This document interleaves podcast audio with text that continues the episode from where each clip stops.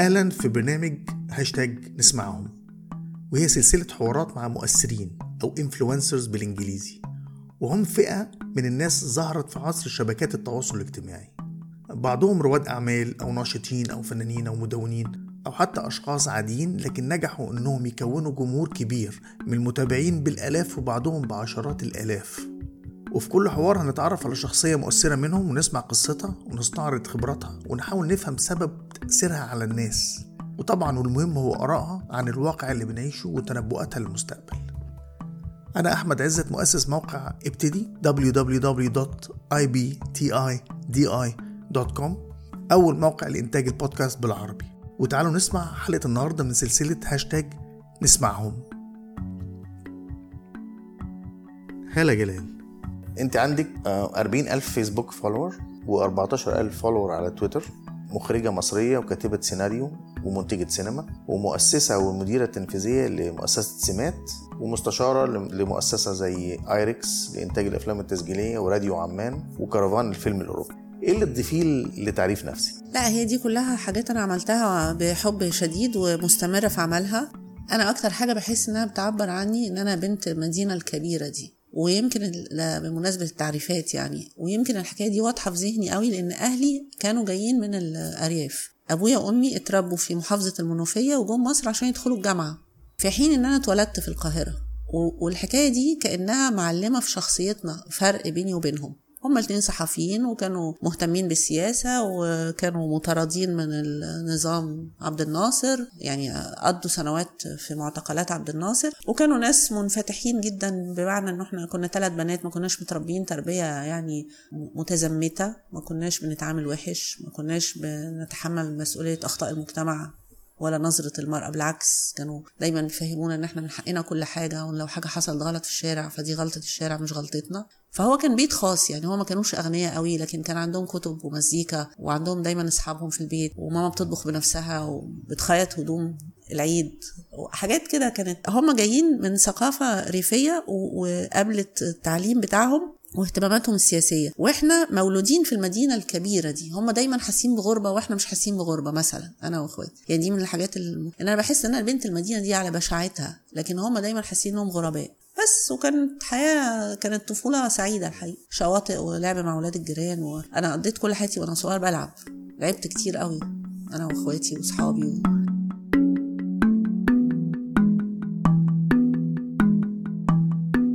طيب تعال نخش في خبراتك النوعية.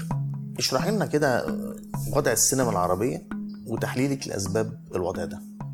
التاريخ الناس كلها عارفاه يعني إنه الاخوات اللوميار جم مصر ب 100 سنة وكان في صناعة سينما نامت في مصر بسبب وجود أجانب كتير جدا ومصريين اتعلموا على إيديهم وعملوا أفلام عظيمة وبعدين الثورة تيوليو قامت فالسينما اتأممت بعد شوية وعملوا أفلام. فيها أفلام جيدة جدا ونفست ودخلت مهرجانات دولية وفيها أفلام كتير موجهة. والدول العربية تباعا حصلت مصر وإنتاجها كان أقل والجمهور كان أقل ودور العرض كانت أقل. المصريين بيحبوا السينما بيحبوا السينما بتاعتهم. يعني المغاربة مثلا عندهم دايما وزارة الثقافة بتشجع الإنتاج السينمائي المغربي بطريقة جميلة وبيصرفوا فلوس كتير ودعاية وبتاع ولكن أنا بتكلم مع زملائي في المغرب فبيقولوا لي الجمهور المغربي يعني ممكن يدخل السينما يشوف فيلم أمريكاني ومعاه فيلم مغربي.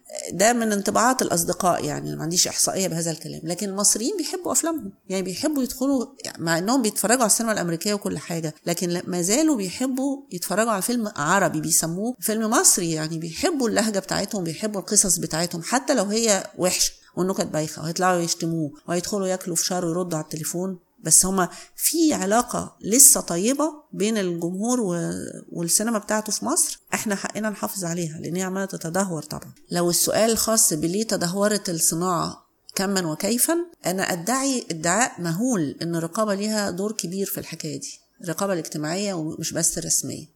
لأنه لم الافلام عشان تاثر في الناس لازم تاخدهم كل مره خطوه بعيده لأنه زي حلم اليقظه يعني لازم يتحدى شوية الثوابت يوري له حاجة ما تصورش إنه هيشوفها.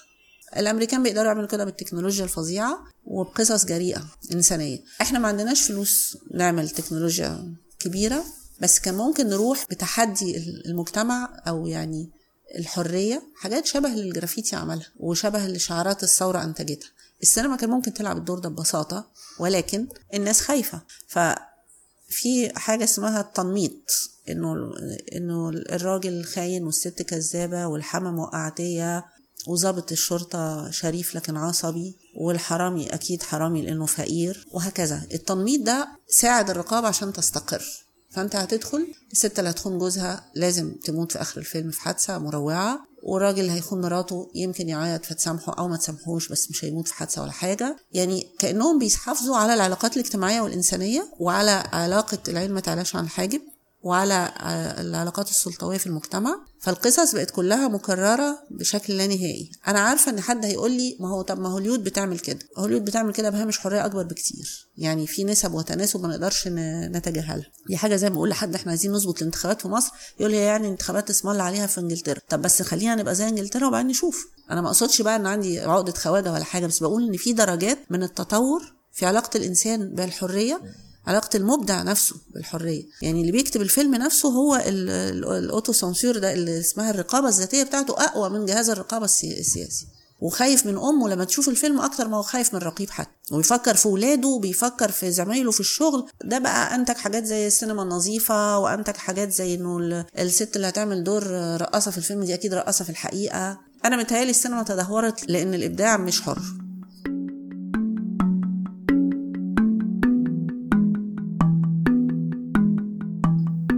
أفضل فيلم عربي بتحبيه؟ وليه؟ بحب أفلام كتير عربي الحقيقة بس أنا دايما بحب أجيب سيرة فيلم الطريق المسدود. بس أنا بحب الإنسان يعيش مرة واحدة مثلا.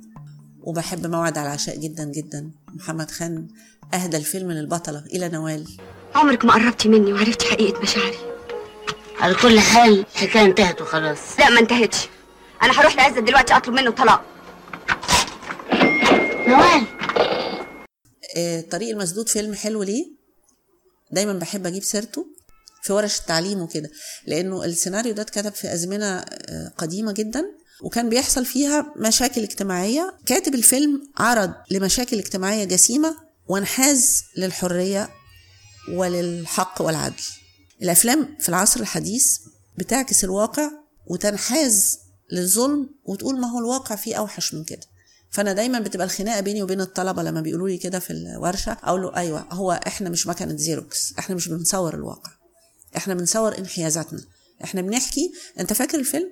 فاتن لا. حمامة مولودة في بيت أبوها مات فأمها عملت ترابيزة قمار وبقت هي وإخواتها البنات بيشتغلوا في سواديزون الدعارة وهي طبعا مؤدبة فاتن حمامة. ما تقدرش تعمل الكلام الفارغ ده. ذاكرت واشتغلت واتخرجت وجالها تكليف في قرية. وعارفة عنك انت بالذات حاجات كتير جدا. أنا ما عملتش حاجة وعمري ما, ما عملت. تقاطعنيش في الكلام.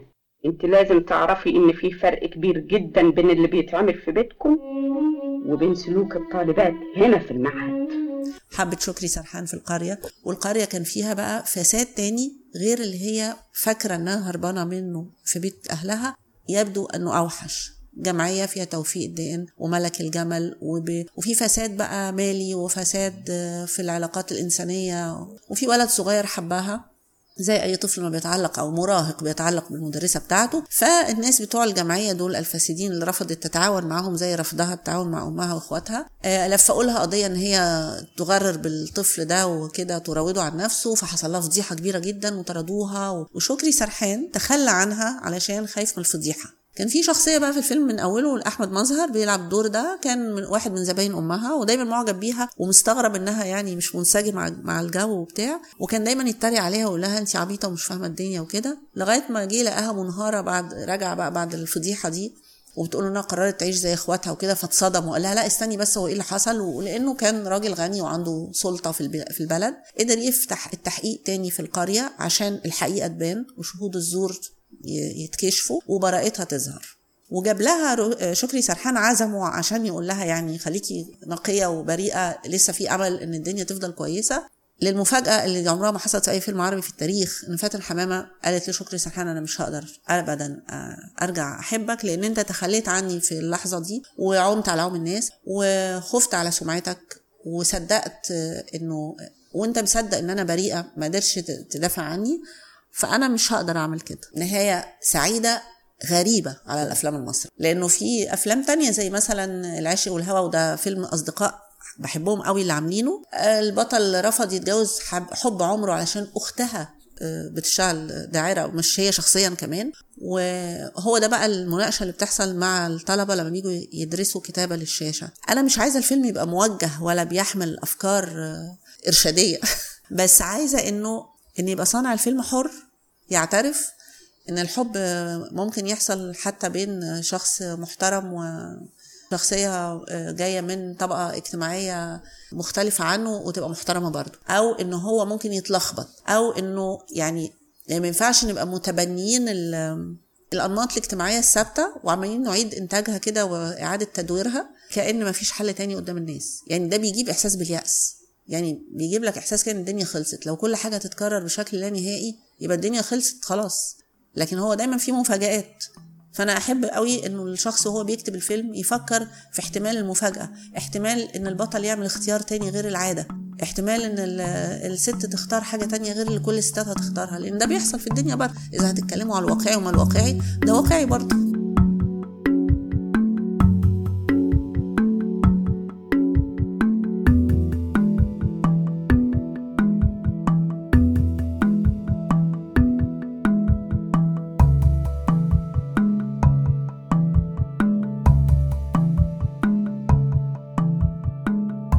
افضل فيلم على الإطلاق مش فيلم عربي. وليه؟ لا مستحيل نقول كده. اقفلي عينك وافتكري فيلم. أنا مش أنا مش ناقد بس أنا ما عنديش حتى دراستش نقد. إن الحاجة الفنية اللي بفتكرها معناتها إنها علمت فيا. ده صحيح تماما. أنت عندك حق. الحاجات اللي بنفتكرها هي اللي أثرت في قلبنا. بس أنا أفلام كتير جدا أثرت فيا. ففي أفلام كتير من من أول أفلام very commercial ملهاش معنى عند ناس كتير. بس عاملة زي أحلام اليقظة. يعني هقول لك حاجة عبيطة. فيلم Xanadu. أنا بحب الفيلم ده جدا. لأنه انتصر لحلم يقظة ليه وربطه بالحب والإبداع. ودي حاجات في ذهني مرتبطة ببعضها. أنا عارفة إنه فيلم عبيط وتافه في نظر ناس كتير جدا بس أنا بحبه جدا. أنا بحب Xanadu جدا المزيكا بتاعته واوليفيا نيوتن جون مش كده؟ و- بالظبط. و- وكذلك فيلم مثلا The Party بتاع بيتر سيلرز دي أفلام عتيقة. أنا ممكن أتفرج على الأفلام دي عشرات المرات وما أزعلش خالص. مين أفضل المبدعين في رأيك في السينما؟ ده سؤال صعب قوي فيليني وكوروساوا لسه علامات مهولة في السينما مهولة. ده مش معناه إنه إن أنا ما بحبش أفلام تارانتينو ومش معناه إني ما بحبش يعني مش معناه إن أنا عايز أعمل كلاسمون إن في واحد اتنين وبعدين تلاتة أربعة أقل. بس أنا عايزة أقول إن في تجارب اكتملت وتجارب ممكن لسه نتفاجئ أنا بحب فكرة المفاجآت دي لأن دايما الناس بتفاجئ نفسها بحاجات وبتفاجئنا بالذات في الإبداع. خمس أفلام لازم الناس تشوفها أكيد فيلم موعد على العشاء أضواء المدينة اللي كنا بنجيب سيرته. فيلم اسمه الخوف مش ناس كتير تعرفه لسعيد مرزوق نور الشريف وسعاد حسني. الليلة الأخيرة كمال الشيخ. دول أربعة دلوقتي. فاضل واحد بس. عايزين فيلم جديد بقى. الإنسان يعيش مرة واحدة فيلم كويس. والمخرج ده عمل فيلم واحد و... وساب مصر ومشي. شكلنا طفشناه. مين البطل الفالصو في مهنتك البطل الفالصو آه. ممكن أعرفه من غير ما أسميه. البطل الفالصو هو الشخص اللي بيلعب دور دايما آه، اللي بيد- بيدعم كل ال- الثوابت في العلاقات الاجتماعية. يعني يطلع على التلفزيون يقول إن هو بيصدق في الحسد وإن هو مؤمن جدا إن الأخلاق أهم حاجة. والبطل ده عادة بيدعم السلطة في كل قراراتها حتى لو غير سليمة. والبطل ده عادة بيقعد على برامج التلفزيون يعمل نصايح للناس كلها خاصة بالأخلاق. وهي الأخلاق دي مسألة نسبية زي ما إحنا عارفين. فدي أبطال فالصو دول كتير الحقيقة. وناس بيتم الترويج ليهم في الإعلام علشان بيحافظوا على الاستقرار بتاع المجتمع. الناس ما تسألش أسئلة تلخبط. والعيال الصغيرة تسمع كلام الكبار. والست العاقلة ما تعملش كده. والحاجات دي. إيه رؤيتك للمستقبل في السينما العالم العربي؟ المستقبل عظيم آه، بس بطيء لأن في ناس كتير قوي زي تامر سعيد وهلا لطفي وزي أحمد عبد الله وزي إبراهيم البطوط وزي عملوا محاولات مهولة لكسر ال- الدايرة ال- الاحتكارية بتاعه الإنتاج. ما أقدرش أقول انها نجحت لأنه لسه الدايره مغلقه ولسه في احتكار غير رسمي. هو غير رسمي في الحقيقة عشان كده مش عارفين يكسروه بالقانون. لكن المحاولات ما بتروحش في البحر يعني. آه، الناس دلوقتي وكمان التكنولوجيا طبعا آه، دي حاجات بديهية بس لازم نفكر الناس كل شوية إن دلوقتي ممكن حد يعمل فيلم من غير ما يبقى محتاج شركة إنتاج ضخمة. وبالعكس شركات الإنتاج الضخمة بقت عشان توفر فلوسها تبنت آه، طرق إنتاجية بتاعة شباب صغيرين. طبعا دي مش حاجة نزيهة تماما لكن ستيل دي حاجة كويسة لأنه مش مش مناسب وإحنا دولة دي حالتها الاقتصادية إن إحنا بنصرف 400 مليون جنيه على الأفلام. الإيرانيين عندهم في الحكاية دي تجربة مهولة. قللوا خالص تكاليف الإنتاج وصنعوا أفلام عملت آه، نجاحات في العالم مذهلة لأنهم يعني اهتموا ب- بالكتابة وبالتمثيل يعني بالجانب الإبداعي أكتر من الإبهار ال- بتاع الفلوس ده. وبعدين كمان التكنولوجيا هتساعد أكتر كل مدى لأنه الناس ممكن تتفرج على أفلام على اليوتيوب وعلى ال iPod وعلى اللابتوب وعلى فبرضه التمسك بدار العرض العتيقة أنا بالنسبة لي مش حاجة مهمة قوي يعني أنا بالنسبة لي الفيلم هو زي الرواية هو أو زي البرنامج اللي أنت بتعمله دلوقتي. هو إبداع شخص يعني حد عايز يخاطب العالم. حد عنده خبر عايز يدينا خبر هو بيفكر إزاي وبيحس إزاي. وممكن الخبر ده يبقى قصة فيها أشخاص وممكن يبقى interview ممكن يبقى قصة قصيرة ممكن يبقى فيلم whatever فمش مهم هيقول لنا فين؟ هيقول لنا في ميدان التحرير ولا هيقول لنا على اليوتيوب ولا هيقول لنا فهو ده أنا يعني بالنسبة لي إن الإبداع يد يدعم بالشكل ده ويستمر ويتطور باتجاه الحرية الشخصية لأقصى درجة وإنه الفيلم يبقى مقولة المخرج فعلا ومقولة صانعه والحدوتة اللي هو عايز يحكيها لي. أنا شايفة إن في السكة دي إحنا نتطور غصب عن كل الناس ولو ببطء. لكن لو إحنا بنفكر في الدوائر الاقتصادية وعودة الجمهور إلى السينما والتذاكر وكده ده محتاج تحرير من الرقابة حقيقي. يعني أنا ممكن أشتغل له مستشار. إزاي تنعيشوا السينما اقتصاديا لازم كل الحواديت تتحجي بطريقة تانية والحواديت تتغير. والناس تبقى صادقة أكتر من كده بكتير. لأنه الفيلم اللي كنا بنعمله زمان ده اللي هو تمثيلية على الناس والناس في اصطلاح كده كأنهم موافقين على على الخطة مع صانع الفيلم. هيمثلوا إنه ده تمام كده باظت. راحت. راحت بسبب الزمن وبسبب الثورة وبسبب الحالة الاقتصادية بسبب حاجات كتير قوي. مبقاش ينفع نعمل الأفلام اللي كنا بنعملها دي والناس تبتدي تقول الله والله حلوة شكلها شعرها ناعم بتغني حلو. كان خلاص الحكاية دي عديناها. مش هينفع دي نقطة مش ممكن الرجوع ليها زي ما في بعض المنتجين بيحلموا.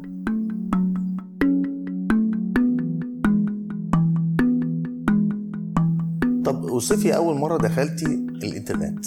وإزاي غير الإنترنت حياتك؟ فاكرة 2010 الفيسبوك. ده يعتبر متأخر جدا. وكنت طول الوقت يعني متشككة في جدوى الحكاية دي يعني. إحنا بقى طبعا كنت غرقانة في حكاية إن إحنا بنصور ونمنتج الأفلام. وبنستخدم الإنترنت يعني عشان عندنا website أو إيميلات أو يعني قصدي إنه وبعدين كانت هدى أختي الصغيرة وعملت صفحة على الفيسبوك وبعدين أنا كمان. وكنا بقى عمالين نتبادل الأغاني وصورنا وإحنا صغيرين. ما كنتش بفكر بالظبط إن أنا ممكن أفكر بصوت عالي على الصفحة زي ما بعمل دلوقتي وإن أنا ممكن أكلم ناس ساعات وإن أنا ممكن أكلم نفسي ساعات لما أكون يعني بيحصل حاجة مؤثرة فيا سواء شخصية أو عامة. يعني أنا علاقتي بالإنترنت تطو... يعني اتغيرت اتطورت مع الزمن وبسبب الأحداث الثورة قامت طبعا ف... فالإنترنت خد أهمية كبرى في حياتي. وبعدين أنا علاقتي بالإعلام عمالة تتدهور تدريجيا فما بقتش أتفرج على التلفزيون خالص ولا بقرأ الجرايد ولا بسمع أي أخبار إلا من النت. يعني ممكن أشوف حتى خطاب أو لقاء سياسي أو كده على اليوتيوب لكن ما بقيتش أفتح جهاز التلفزيون أو أسمع نشرة أخبار في الراديو. فبقى الإنترنت كمان ليه دور تاني في حياتي مهم. غير بقى إنه الإخبار غير الرسمي رأي الناس واللي الناس بتقوله حصل لها اللي هي حاجة ما تجيش على نشرات الأخبار الرسمية وممكن تعكس أوضاع أكثر دقة وحقيقية أكتر من اللي بنسمعه في نشرات الأخبار. أنا بشوف إن رسائلك مؤخرا يعني فنية جدا يعني. أجزاء من حوارات قصص.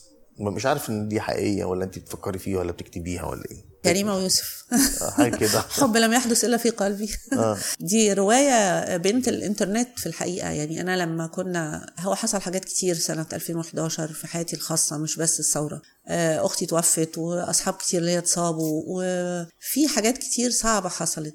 وأنا يعني كنت زي كل الناس بشارك في في التظاهرات من غير ما أبقى منظمة سياسيا بصراحة يعني. أنا بسبب تاريخ أهلي السياسي كان عندي يعني حاجة حايشاني في نفسي إن أنا أبقى آه، جزء من تنظيم ما أعرفش احضر اجتماع واسمع كلام قائد وكده. يعني كنت حابة فكرة إن أنا صوتي من دماغي إن أنا ماشية في مظاهرة ما حدش دعاني عليها وما أعرفش فيها حد. أنا ماشية عشان عايزة أمشي في المظاهرة دي. عايزة لما تيجي السلطة تعد الناس تلاقيهم مش 49 واحد 50 عشان مطلب المظاهرة دي يهمني مثلا. فلما الثورة قامت ده كان بيحصل قبل الثورة. بقى بقى في ملايين البشر في الشارع وأنا بقيت حاسة إنه يعني دي حاجة كويسة. بس للأسف كانت الحاجات الكويسة بتحصل دايما بالتزامن مع حاجة وحشة جدا وصعبة. يعني هدى ماتت يوم 28 اللي هو اليوم اللي الثورة اعتبرت إنه عبرنا ودخلنا الميدان. ما ماتتش في المظاهرات عشان يحصل كمان تناقض إضافي يخلي كل حاجة في المشهد تتعقد أكتر في دماغي. في حاجة حصلت أنا معرفش أوصفها. كان عندي موبايل عتيق كده BlackBerry بزراير زي ال keyboard. فأول مرة كتبت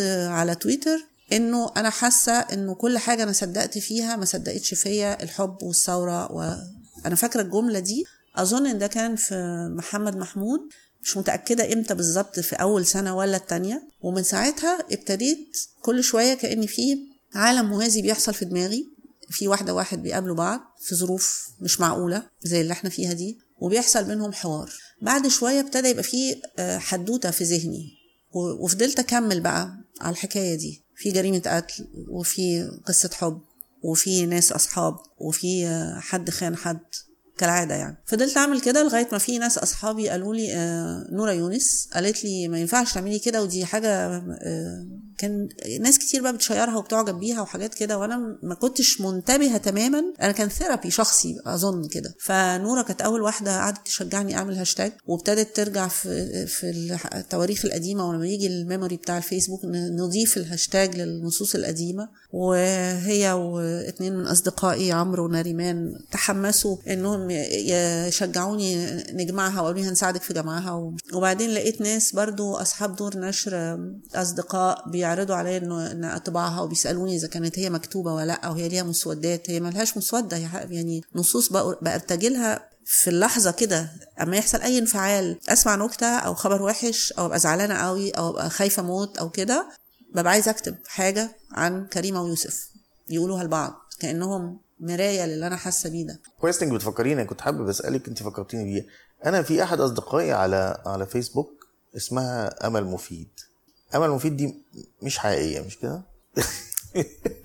هي شخصية في كتاب مش كده؟ شخصية في كتاب آه. طب هل أنت عملتي لكريمة فيسبوك بيج لا لا لا. أصل هو التأليف بيحصل بطرق مخ- مختلفة عند كل مؤلف. في مؤلف يقدر يخلق الشخصيات ويرد عن لسانهم فيبقى عنده خمس ست صفحات فيسبوك مثلا. وفي مؤلف زي حالاتي كده يعني أنا لازم أفضل هالة على الصفحة بتاعتي والخيال بتاعي ده يبقى في مكان تاني كأنه المراية يعني كأني ببص في المراية واللي أنا شايفاه عالم تاني.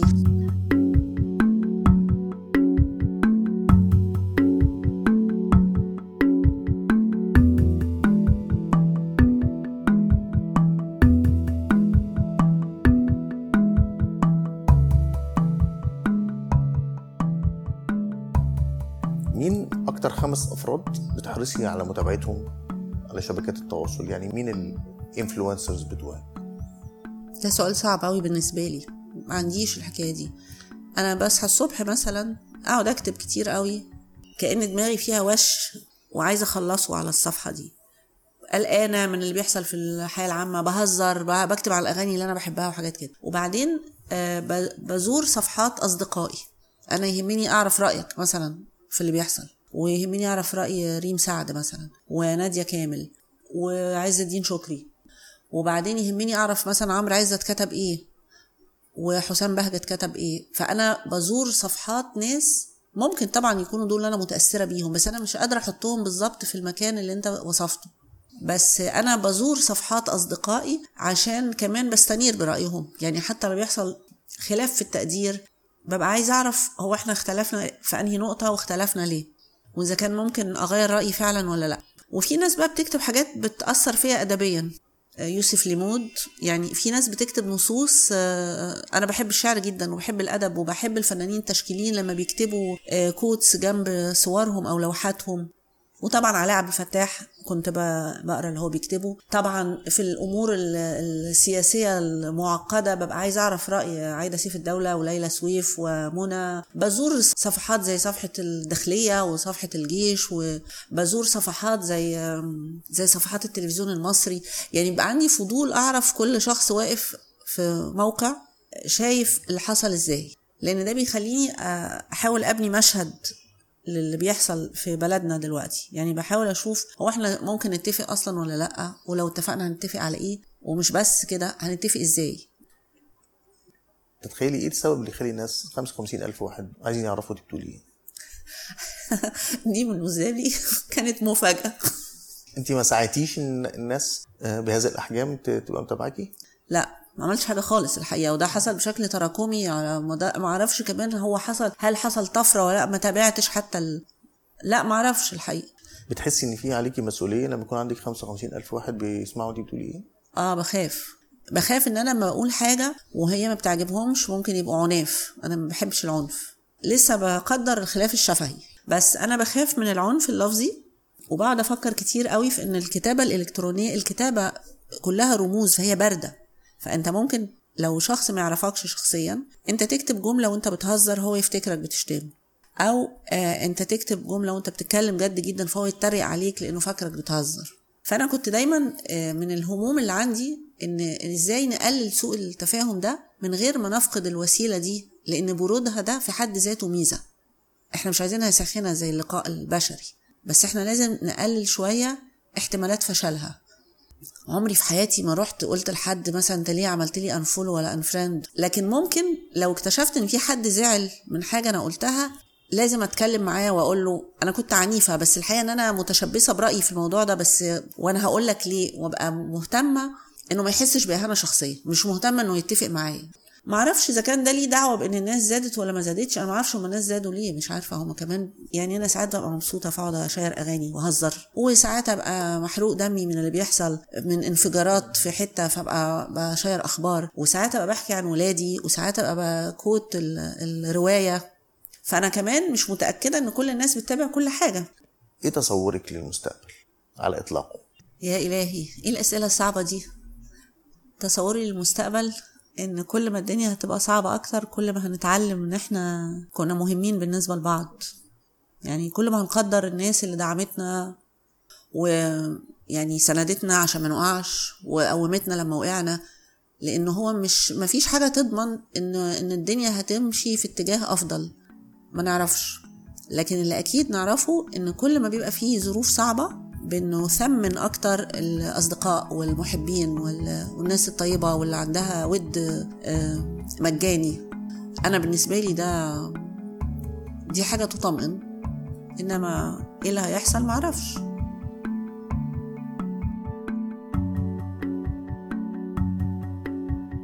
عشان نخطركم لما الحلقة الجاية تكون متاحة بندعوكم تعملوا subscribe لينا على iTunes أو Apple Podcast أو SoundCloud ابحثوا فيها عن I B T I D I أو هاشتاج نسمعهم.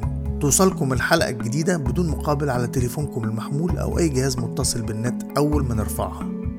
وممكن تتابعونا وتشاركونا بالرأي على صفحاتنا على فيسبوك وتويتر وانستجرام وكل المعلومات دي موجودة على صفحتنا www.ibtidi.com ولو عندكم اقتراحات أو عايزين ترشحوا مؤثرين أو عندكم فكرة لبودكاست عايزين نساعدكم في إنتاجه وأخيرا لو عجبكم البرنامج مهم تعملوا rating على iTunes وممكن تشيروه. هاشتاج نسمعهم. هاشتاج I B T I D I